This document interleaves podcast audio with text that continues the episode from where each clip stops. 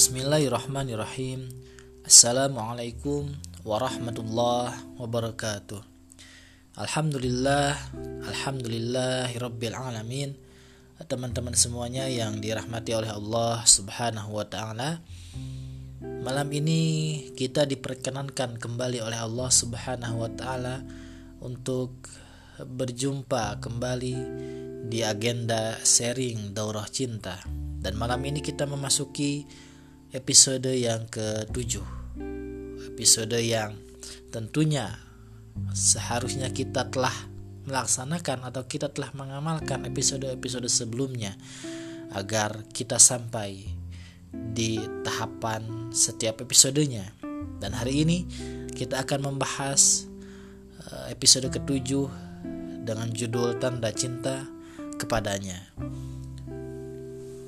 Di episode sebelumnya kita telah belajar, kita telah mencoba memahami bagaimana agar diri kita ini dicintai oleh Allah Subhanahu wa taala.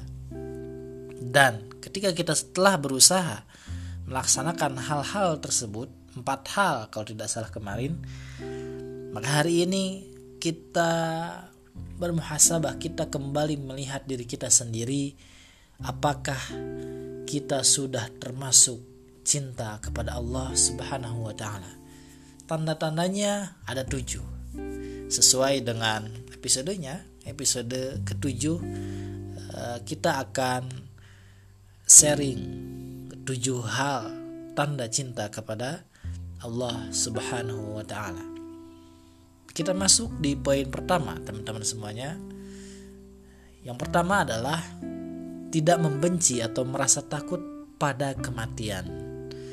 Nah, kita biasa mendengar istilah uh, cinta dunia dan takut mati.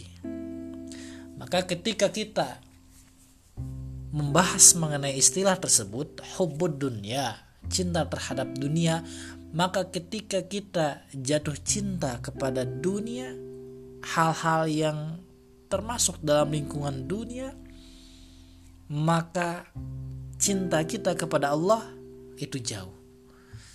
Kita cinta dunia, maka takut kematian. Sementara di poin pertama ini adalah ketika kita cinta kepada Allah Subhanahu wa taala, kita tidak membenci ataupun merasa takut pada kematian. Terkadang kita teman-teman semuanya kita cobalah kalaupun misalkan kita uh, belum bisa terlalu ekstrim nih uh, misalkan membeli kain kafan gitu uh, disimpan di lemari untuk persiapan kita uh, mati kelak uh, seenggaknya teman-teman di saat-saat kita sedang sendiri karena kita kan biasanya suka ada momen lagi sendirinya gitu.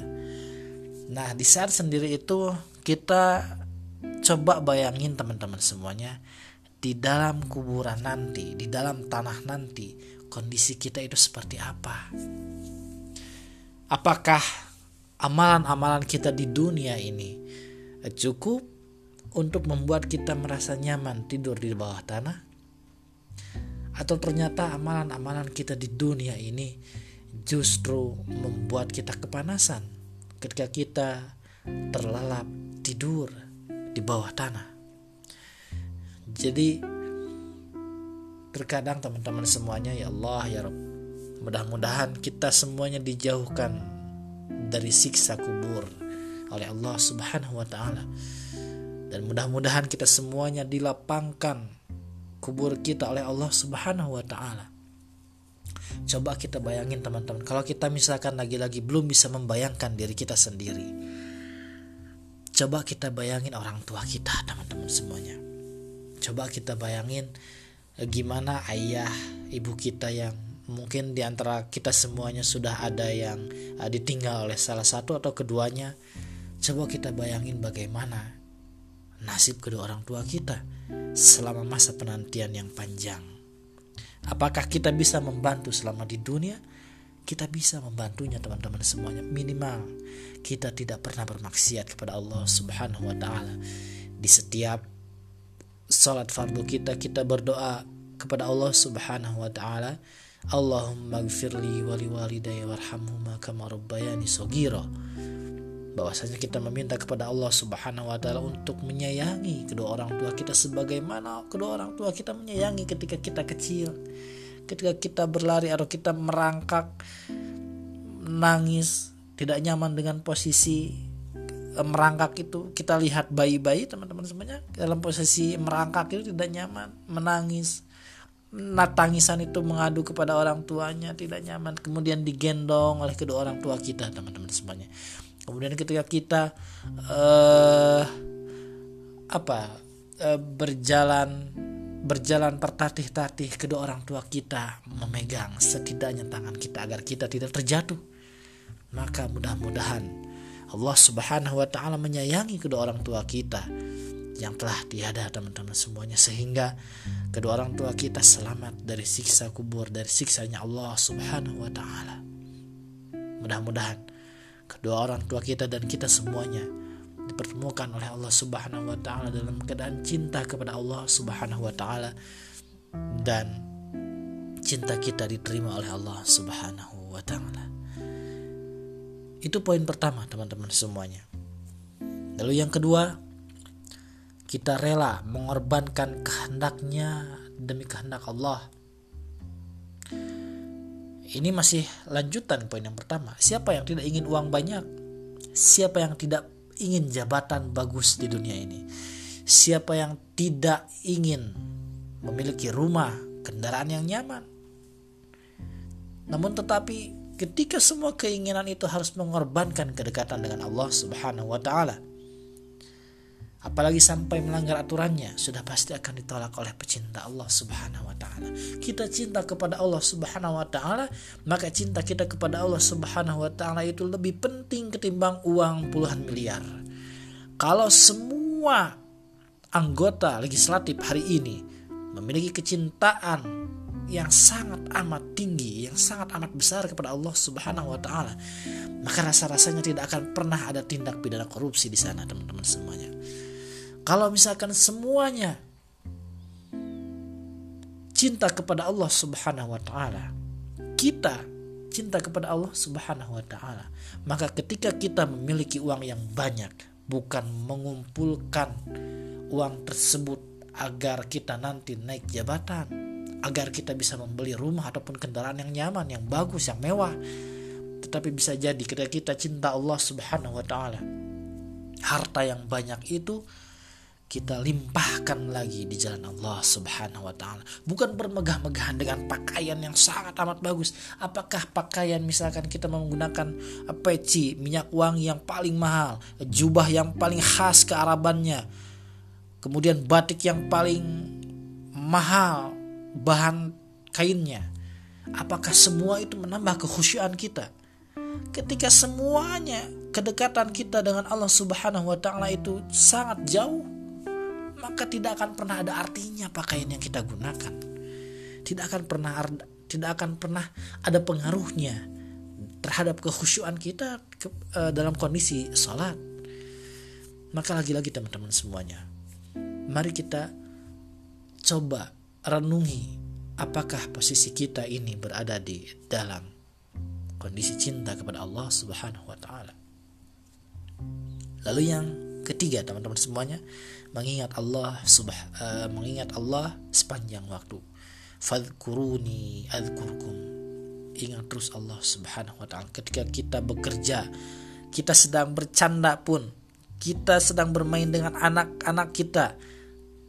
Kemudian kita sedang uh, bercengkrama dengan pasangan hidup kita. Kita berbicara, seseorang yang mencintai Allah akan tetap mengingatnya walau apa pun yang sedang dilakukannya. Subhanallah, Alhamdulillah, La ilaha illallah, Allahu Akbar. Misalkan lisan kita tidak pernah kering terhadap ucapan tersebut. Kita ingat Allah subhanahu wa ta'ala. Kita terus berdoa ketika kita um, mengalami masa-masa di perjalanan kehujanan. Kita terus ingat Allah subhanahu wa ta'ala. Maka kita berdoa Allahumma sayyiban nafi'an kita sedang berada di majelis ilmu. Kita kita berdoa kepada Allah Subhanahu wa taala. Allahumma inna nas'aluka ilman nafi'an wa rizqan thayyiban wa amalan mutaqabbalan. Minimal Allahumma inna nas'aluka ilman nafi'an. Dan mudah-mudahan di majelis ilmu ini kita diberikan pemahaman ilmu oleh Allah Subhanahu wa taala. Selanjutnya teman-teman semuanya yang keempat ketika kita cinta kepada Allah Subhanahu wa taala kita pula cinta pada Al-Qur'an kita cinta kepada Al-Quran. Seseorang yang mencintai Allah akan mencintai Al-Quran yang merupakan firman Allah. Bahkan teman-teman semuanya ketika kita uh, memahami, memahami bahwa Al-Quran itu adalah ucapan-ucapan cintanya Allah kepada kita, maka kita tidak akan pernah bosan untuk mendengarnya ada istilah atau ada ada perkataan dari Imam Ibnu Qayyim al Jauziyah yang menarik untuk menutup ke uh, poin keempat ini. Bahwasannya tidak akan pernah hadir dua cinta di dalam satu hati. Dua cinta di dalam satu hati itu tidak akan pernah hadir teman-teman semuanya. Apa saja itu kedua cinta tersebut? Yang pertama adalah cinta Al-Quran dan yang kedua adalah cinta musik. Ketika kita cinta kepada Al-Quran, maka kita tidak akan pernah mendekati musik, teman-teman semuanya. Dan ketika kita cinta musik, maka kita tidak akan atau kita menjauh dari Al-Quran. Maka mari saya tidak akan pernah saya tidak membahas hukum halal haramnya musik, tetapi mari kita renungi perkataan seorang ulama besar Imam Ibnu Qayyim al-Jauziyah bahwasannya tidak akan pernah ada dua cinta di dalam satu hati. Hati yang tulus akan mencintai sesuatu yang murni. Kemudian yang kelima yaitu adalah tamak dalam beribadah. Semangat dalam beribadah. Seseorang yang mencintai Allah sangat akan amat mendambakan datangnya malam agar bisa berhubungan dengan teman dekatnya tanpa halangan. Di sepertiga malam, ketika Allah turun ke bumi, kita mencoba untuk menghubungi ke langit. Kita mencoba untuk dekat dengan langit, teman-teman semuanya. Ketika Allah turun ke bumi, maka kita bersujud, sujud yang serendah-rendahnya untuk berhadapan dengan Allah Subhanahu wa taala, teman-teman semuanya. Terus kita melaksanakan yang wajib dan mewajibkan yang sunnah. Kita rutinkan yang sunnah. Dan kita tidak pernah meninggalkan yang wajib teman-teman semuanya. Maka mudah-mudahan kita termasuk ke dalam salah satu di antaranya. Kemudian yang keenam ibadah menjadi hal mudah baginya. Ada seorang wali yang pernah berkata, selama 30 tahun pertama saya menjalankan ibadah malamku dengan susah payah. Tetapi 30 tahun kemudian hal itu telah menjadi sesuatu kesenangan bagiku. Jadi hal ibadah, hal-hal yang termasuk ke dalam ibadah adalah hal yang harus kita lakukan terus-menerus secara istiqomah, teman-teman semuanya. Secara istiqomah. Hal sekecil apa pun kita lakukan secara istiqomah. Jangan pernah menyempelekan ibadah dengan nilai besar atau kecilnya. Lalu yang ketujuh, yang terakhir, pencinta Allah akan mencintai orang-orang yang menaatinya dan membenci orang-orang kafir dan orang-orang yang tidak taat. Cinta kepada Allah Subhanahu wa taala maka dia akan cinta kepada orang-orang yang menaatinya, cinta kepada ulama, cinta kepada umara, pemimpin yang adil, pemimpin yang takut kepada Allah Subhanahu wa taala, bukan pemimpin yang mencint yang mencitrakan bahwasannya dia itu dekat dengan Allah Subhanahu wa taala. Bukan pemimpin yang mencitrakan bahwa dirinya itu bak seperti sahabat Nabi. Tetapi pemimpin yang adil dalam mengambil kebijaksanaan, ulama yang fakir terhadap ilmunya dan membenci orang-orang kafir bukan malah justru melindungi atau membela orang-orang kafir dan orang-orang yang tidak taat. Berhubungan dengan orang-orang kafir dan orang-orang yang tidak taat, hablum minanas kita laksanakan saja, baik-baik saja.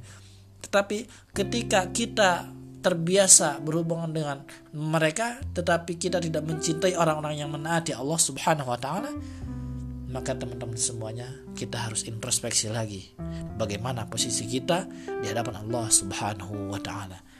Itu mungkin teman-teman semuanya di episode ketujuh ini mudah-mudahan apa yang bisa kita dapatkan di malam ini bisa juga kita terapkan agar kita berada di dalam posisi mencintai Allah Subhanahu wa taala.